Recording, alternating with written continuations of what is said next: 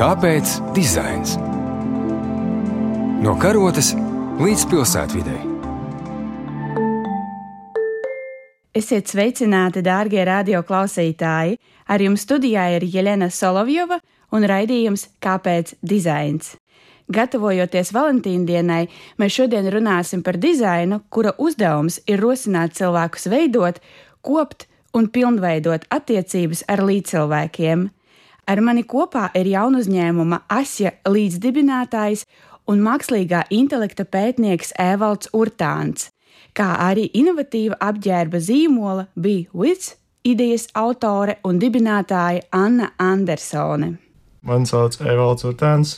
Esmu mākslīgā intelekta pētnieks un uh, arī ļoti labi saprotu, kāpēc ir labi pateikt savu balsi, jo arī mūsu aplikācija atpazīst balsi. ļoti jauki, paldies! Sveiciens visiem! Mani sauc Anna Andersone. Esmu uzņēmēja un kā pēdējā laikā es esmu tā secinājusi sociālo kustību veidotāju. Man patīk tādas lietas. Ja man būtu jāatbild uz jautājumu, kā dizains var ietekmēt attiecības, es teiktu, ka dizains ietekmē pilnīgi visu mums apkārt. Viss, ko mēs redzam, tas ir dizains. Viss, ko mēs izvēlamies, kā ko darīt, tas patiesībā arī ir dizains. Un tādā ziņā arī dizains var ļoti ietekmēt mūsu attiecības. Un šobrīd es varbūt piemetināšu, ka ļoti daudz, kas sabiedrībā tiek dizainēts, tā, ka mēs ilglaicīgas attiecības neliekam pirmajā vietā. Tinder aplikācijas, dažādi, teiksim, mēdījos, kā tiek atspoguļotas, ja kaut kas neapmierina, metam nost, ņemam nākamo, un šis tāds varbūt netīši veidotais sabiedrības attieksmes dizains ļoti ietekmē to, kā mēs attiecamies pret attiecībām. Jā, es arī varētu piekrist Annai. Tā ziņā, ka mēs redzam apvienoto nāciju pētījumu no pagājušā gada. Cilvēku laimīguma indeks ir strauji krities pēdējos apmēram 5-10 gados. Un tas ir vienlaicīgi, kad uh, tika radīts narcisma un uh, ātru balvu saņemšanas platformas, kā Snapchat un Facebook un visas tās lietas. Viņas ir ļoti labi dizainētas tam, lai noturētu uzmanību un uh, noņemtu uzmanību no tā, kas dzīvē ir svarīgs. Tas ļoti labs veids, kā redzēt to, kā dizains ietekmē sabiedrību un viņu domāšanu. Perfekti pateicis, Elīte. Vienkārši perfekti. Dizains, kas mudina mūs miedarboties ar apkārtējiem cilvēkiem, var būt ļoti dažāds. No viedajām ierīcēm, kas ļauj sazināties ar sev tuvajiem ātri, ērti un efektīvi, līdz asprātīgiem fiziskiem produktiem, kas ir radīti, lai tehnoloģiju laikmetā mums atgādinātu, ka fiziska klātbūtne vismaz pagaidām nav aizstājama ar digitālo pasauli. Amerikāņu māksliniece un dizainere Lucija Makreja pērn rudenī veica interesantu eksperimentu. Tā mērķis bija rosināt diskusiju par cilvēku attiecībām digitālajā laikmetā. Viņa izstrādāja konceptuāla dizaina projektu Compression Carpet. Tulkojot šo nosaukumu latviešu valodā, tas nozīmē kompresijas paklājs bet pēc savas būtības tā bija vērienīga izmēra iekārta, mēbele, kas apskauj cilvēkus. Lai šo ierīci izmantotu, lietotājiem atlika tajā iegulties un gaidīt, kad otrs šajā gadījumā pilnīgi svešs cilvēks pagriezīs sviru, kas iespiedīs eksperimenta dalībnieku starp ierīces brūni rozīgajiem, cilvēka ādu imitējošajiem spilveniem.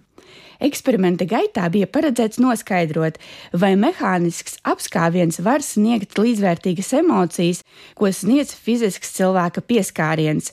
Taču vairāk par paša eksperimenta rezultātu autori interesēja tas, lai provokatīvais dizains liek mums aizdomāties par jēgpilnas klātbūtnes nozīmi mūsu dzīvēm. Arī apģērba zīmols bija Wiz, iestājas par fiziska pieskāriena nozīmi un mudina tuvos cilvēkus būt kopā biežāk un ciešāk. Anna izstāsta lūdzu mums vairāk par šo ideju, kā tā radās un kā darbojas jūsu apģērbs. Tā ideja radās no tā, ka es izlasīju tādu lielu pētījumu, kas saucās The Grant Study, un pētījumā 75 gadus tika vākti dati par vairāk kā 700 cilvēkiem, lai noskaidrotu, kur slēpjas laimīgas dzīves atslēga. Un šis pētījums atklāja to, ka šī atslēga slēpjas tuvās un siltās attiecībās ar mūsu pašiem tuvākajiem cilvēkiem. Un tieši to attiecību kvalitātei bija nozīme man vienmēr ir pašai bijušas svarīgas šīs tuvās attiecības, bet patiesībā tam būtu jābūt svarīgam ik katram cilvēkam. Es sāku pētīt tālāk, lai saprastu, kā tad veidot un uzturēt šīs tuvās un siltās attiecības. Un tur es atklāju daudz lietas, ko es jau zināju, un kas ir tādas liekas pašsaprotamas. Bet viena lieta bija tāda, kas man bija jaunums, un tā bija tā, ka ir ļoti svarīgs ikdienā fizisks kontakts savstarpējs. Patiesībā pirmo reizi dzirdēju par šo mākslinieci un eksperimentu, bet eh, tas, ko es esmu sapratusi, apzinājusi, ka šis cilvēciskais pieskāriens un kontakts, kad mums tas notiek, tas palīdz izdalīties ļoti daudz labiem hormoniem mūsu organismā. Pats galvenais no tiem ir oksitocīns, kas atbild par savstarpēju uzticēšanos un pieķeršanos, un kas ir, protams, ļoti, ļoti svarīgi ilgtermiņa attiecības attiecībās. Un lūk, tātad šis pieskāriens kļuva par manu tādu nākamo izpētes objektu, un arī es sāku domāt, ko es varētu radīt tādu, ar ko cilvēkiem atgādināt par šī fiziskā kontakta nozīmi un arī varbūt palīdzēt viņu biežāk veikt. Tad es domāju, nu, kāpēc mēs nepieskaramies viens otram ikdienā? Nu, jā, mēs šeit ziemeļos īpaši mazāk pieskaramies, jo, ja mēs salīdzinām, teiksim, ar Itāliju, Spāniju, tur cilvēki ir daudz pieskārienīgāki, ja tā var teikt. Bet mēs eh, ziemeļos, mēs esam tādi vēsāki, mazliet tālāk viens no otra, un mēs gandrīz visu laiku esam apģērbti. Līdz ar to tas fiziskais kontakts, lai arī teiksim, nepārkāptu kaut kādas sociālās robežas, parasti viņš notiek retos gadījumos un vietās, nu, teiksim, guļamistabā. Bet uh, mana vēlēšanās bija radīt šo iespēju veikt fizisko kontaktu jebkur un jebkurā brīdī. Un tad man likās, kā būtu, ja būtu tāds apģērbs, caur kuru mēs varam veidot šo kontaktu. Tā es sāku veidot pirmos prototipus, sapratu, ka tas tiešām strādā un tā radās arī šis apģērbs ap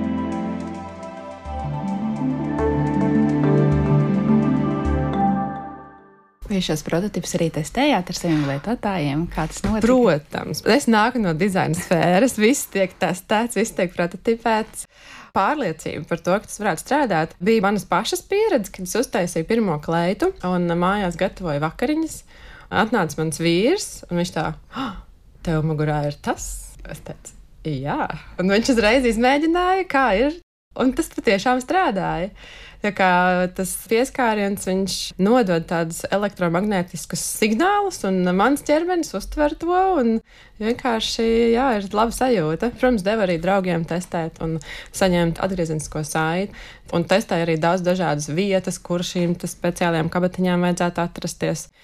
Es arī ļoti daudz domāju par to, lai tas, ko es radu, ir ne tikai kaut kas tāds, kam ir svarīgi labi izskatīties, bet galvenais man ir tas, kā cilvēks jūtas šajā, ko es radu. Cilvēks ir piedzīvojusi dažāda veida tehnoloģiju revolūcijas, bet mūsu mērķis ir palicis līdzinējais. Mēs vēlamies iepazīties, komunicēt un miedarboties ar apkārtējiem. Nekad iepriekš mēs neesam bijuši tik vienoti ar pasauli, tik informēti, kā esam šobrīd. Mēs miedarbojamies sociālajos tīklos, apmaināmies ar viedokļiem un informāciju, taču šī abstraktā komunikācija sev līdzi ir nesusi arī pilnīgi jauna veida izolāciju. Gan tādēļ, ka satiekam cilvēkus arvien retāk, gan tādēļ, ka brīžos, kad esam kopā tik bieži tā vietā, lai runātu, skatāmies viedo telefonu, pulksteņu un citu ierīču ekrānos. Asja lietotne ir izstrādāta ar mērķi atgādināt cilvēkiem izbaudīt mirkli un ieklausīties vienam otrā vairāk. Evalda izstāsta lūdzu, kā tehnoloģija var palīdzēt veidot nevis ātrāku un efektīvāku, kā mēs esam bieži raduši, bet tieši pilnvērtīgāku komunikāciju starp cilvēkiem, kā šī tehnoloģija tad var izvērtēt kaut ko tik ārkārtīgi cilvēcīgu kā jēgpilna komunikācija. Āsija tā pašlaik ir lietotne pāriem lietotne atpazīst emocijas cilvēku balsī, atpazīst dažādas vēl citas lietas, piemēram, cik ātri tu runā. Lietotnē nav svarīgi īsti, ko tu pasaki, bet kā tu pasaki. Veids, kā tu runā ar cilvēku, ir bieži vien svarīgāks nekā to, ko tu pasaki. Tas viss veido tādu emocionālo profilu, un mēs dodam tēmas, ko runāt, un palīdzam pārim virzīties pa tēmām, kuras viņiem veido attiecībās lielāku sapratni vienam ar otru un augt attiecībās. Tas īstenībā ir kaut kas ļoti līdzīgs, ko dara pārterapija. Tikai tajā pašā laikā tas ir daudz uh, demokrātiskāk, un tev nevajag iet pie terapeita, bet jūs varat uh, savā starpā savas attiecības pārnest jaunā līmenī. Jūs varat apņemties reizi nedēļā tādas sarunas veikt, un uh, izbaudīt to, ka tam ir efekts uz to, kā jūs uh, viens ar otru komunicējat. Tādā veidojās tas jēgpilnais process. Es redzu, ka arī šobrīd tev uz galda ir mobilais telefons un uh, liekas, ka lietotne ir atvērta, vai ne? Jā, tur ļoti labi redzēt, cik mēs katrs ilgi runājam un ar kādām emocijām. Iepriekš jūs bijāt ļoti pozitīvi, tad arī cik mēs daudz klausāmies un cik mēs ātri runājam. Bet kas ir interesanti, ka mēs no sākuma taisot lietotni, izgājām cauri vairākiem posmiem. Un no sākuma lietotne vispār bija ļoti robotiska, kur bija visādi grafiki. Tas īstenībā nebija tas, kas ir vajadzīgs. Un uh, tad uh, mans brālis no uzņēmuma Sketika izveidoja konceptu, ka tas ir zieds, kas aug. Jūs satiekaties un jūs kopā audzējat ziedu no tā, kā jūs uh, ejat cauri savai sarunai. Tas uzreiz padarīja visu to lietotni daudz uh, draudzīgāku, un daudz cilvēku pat īstenībā Viņi izbauda tās tēmas, izbauda to ziedu, bet pat nemaz neievērot metrikas. Viņiem tas nav tik ļoti svarīgi kā pieredze, ko veido dizains. Tas nozīmē, ka jo krāšņāk mēs runājam, jo krāšņāks ir zieds. Ja tu centies tiešām pozitīvi runāt, smieties, būt priecīgs un uh, klausīties otrā vairāk, tas zieds sāk augt. Viens no asja lozungiem ir ētisks mākslīgā intelekta lietojums. Kā tev šķiet, kā attīstoties mākslīgā intelekta tehnoloģijām, tās ietekmēs veidu, kā mēs dzīvojam un komunicējam nākotnē? Mākslīgais intelekts, nepārspīlējot, būs tā kā jaunā elektrība, jaunais internets, ļaus daudzās dzīves jomās būt cilvēcīgiem. Diez vai cilvēki kļūst cilvēcīgi, darot ļoti ilgstoši kaut kādas lietas, kas vienkārši ir jādara. Mākslīgais intelekts varēs ļoti daudz darīt viņu vietā un uh, dos to iespēju nodarboties ar mākslu, ar radīšanu, ar visādām jaunām lietām. Anna, varbūt tev ir kāds papildinājums par mākslīgo intelektu? Mani, godīgi sakot, mākslīgais intelekts mazliet biedē. Iespējams, ka tā arī ir citiem cilvēkiem.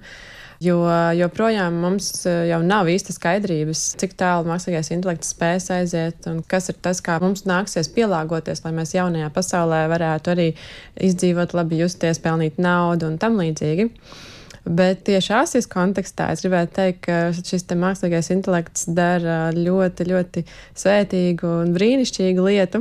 Un es kā Āsijas lietotāja arī varu piekrist tam, ko iepriekšējā valsts teica par puķi un to ziedu. Tā sajūta, kad izaug tas jaunais zariņš un atplauks puķi, ir tik brīnišķīga. Daudzi varbūt ir redzējuši video, kur pātrinājumā izplaukst ziedi vai auga augi ir tik brīnumaini to skatīties, jo parasti mēs to neredzam. Tas notiek tik lēni, ka mēs nespējam to ieraudzīt. Bet tās ja ir eh, tieši ar šo fantastisko dizainu iekļāvusi to kā daļiņu, ka es varu novērot, kā plaukst mana attiecība puķa. To mēs arī dzīvē nepieredzam. Tāpat kā mēs neredzam, kā izplaukst zieds vai izaug tas augs, mēs neredzam, mm. kā attīstās mm. mūsu attiecības. Bet šeit to izbaudām tik ļoti, ka mums gribas to darīt vēl. Jā, paldies, Anna! Atgriežoties pie tēmas par 21. gadsimta vientulību, Japāna ir viena no zemēm, kur atsvešinātība no apkārtējās sabiedrības ir kļuvusi par ļoti nopietnu problēmu. Pētījumi liecina, ka šobrīd pusmiljons japāņu dažādā vecumā cieš no sociālās izolācijas, kas ir uz pusi lielāks cilvēku skaits kā pirms 30 gadiem. Lai risinātu šo problēmu, Japānā tiek radītas un pilnveidotas dažāda veida tehnoloģijas un arī to dizains. Piemēram, roboti, kuru primārā funkcija ir būt sarunu biedram vai draugam. Taču, kā mēs iepriekš runājām, tehnoloģijas nevienmēr ir dizainētas atbildīgi, un bieži tā vietā, lai risinātu mūsu sociālās izolētības problēmas, tās tikai to pastiprina. Kad tehnoloģijas jūsuprāt un to dizains traucē un kad palīdz mūsu labklājībai digitālajā laikmetā? Vai es varu pirms eh, ķeros pie šīs atbildības jautājuma pakomentēt par to, ka es arī esmu vērojusi Japānu kādu laiku, to, kas tur notiek, gan eh, lasot eh, dažādos zinātnes žurnālos, gan arī skatoties, meklēt šo informāciju. Jo patiešām Japāna un Japānas sabiedrība ir neparasts fenomens Gadu desmitiem tas jau ir bijis, ka Japānā ir ļoti izteikta smaga darba kultūra, kad cilvēkiem nav brīvdienu. Īpaši tas uz vīriešiem attiecās, tad viņi ir spiesti strādāt visas septiņas dienas nedēļā, ļoti, ļoti garas stundas. Un tad eh, nonāk pie šīs situācijas, kad mājās ir māma, kas dzīvo ar bērniem un patiesībā pat arī guļ kopā ar bērniem. Un tas tēvs ir atsevišķi, jo viņš nezina, cikos nāk mājās un cikos viņš ceļās iet prom. Un tur šīs attiecības tieši nonāk tādā ļoti sāpīgā situācijā. Un vientulība patiešām ir ļoti, ļoti spēcīga problēma. Bet vientulība patiesībā ir problēma visā pasaulē, un tiek šobrīd jau pat um, publiski teikts, ka mēs dzīvojam vientulības laikmetā. Neskatoties uz to, ka tehnoloģijas ir ļoti attīstījušās, mēs esam konektētāki nekā jebkad iepriekš, mēs arī esam vientuļāki nekā jebkad iepriekš. Un jo vairāk mēs glāstam savu telefonu, jo mazāk mēs glāstam savus tuvos cilvēkus. Jo vairāk mēs skatāmies savā telefonā, jo mazāk mēs skatāmies acīs saviem tuvākajiem cilvēkiem. Un tas arī noved pie vientulības sajūtas, plus vēl arī tas, ka mums šķiet, it kā objektīvi, nu kā man taču ir tūkstots draugi Facebookā, kā es varu būt vientuļš cilvēks. Bet realitātē tā fiziskā klātbūtne, paskatīšanās acīs, tas apskāviens, tā rokas pielikšana tas ir tas, kas mums patiesībā ir vajadzīgs. Tā kā šobrīd, manuprāt, tas, kur ļoti spēcīgi attīstās milzīgās šīs platformas un organizācijas, kas ietekmē mūsu dzīvi ikdienā, Nu, tur ir maz padomāts, kādas patiesībā ir mūsu cilvēku emocionālās vajadzības. Vairāk ir padomāts par to, kā var nopelnīt, bet jā, šī atbildība daudz kur iztrūkst.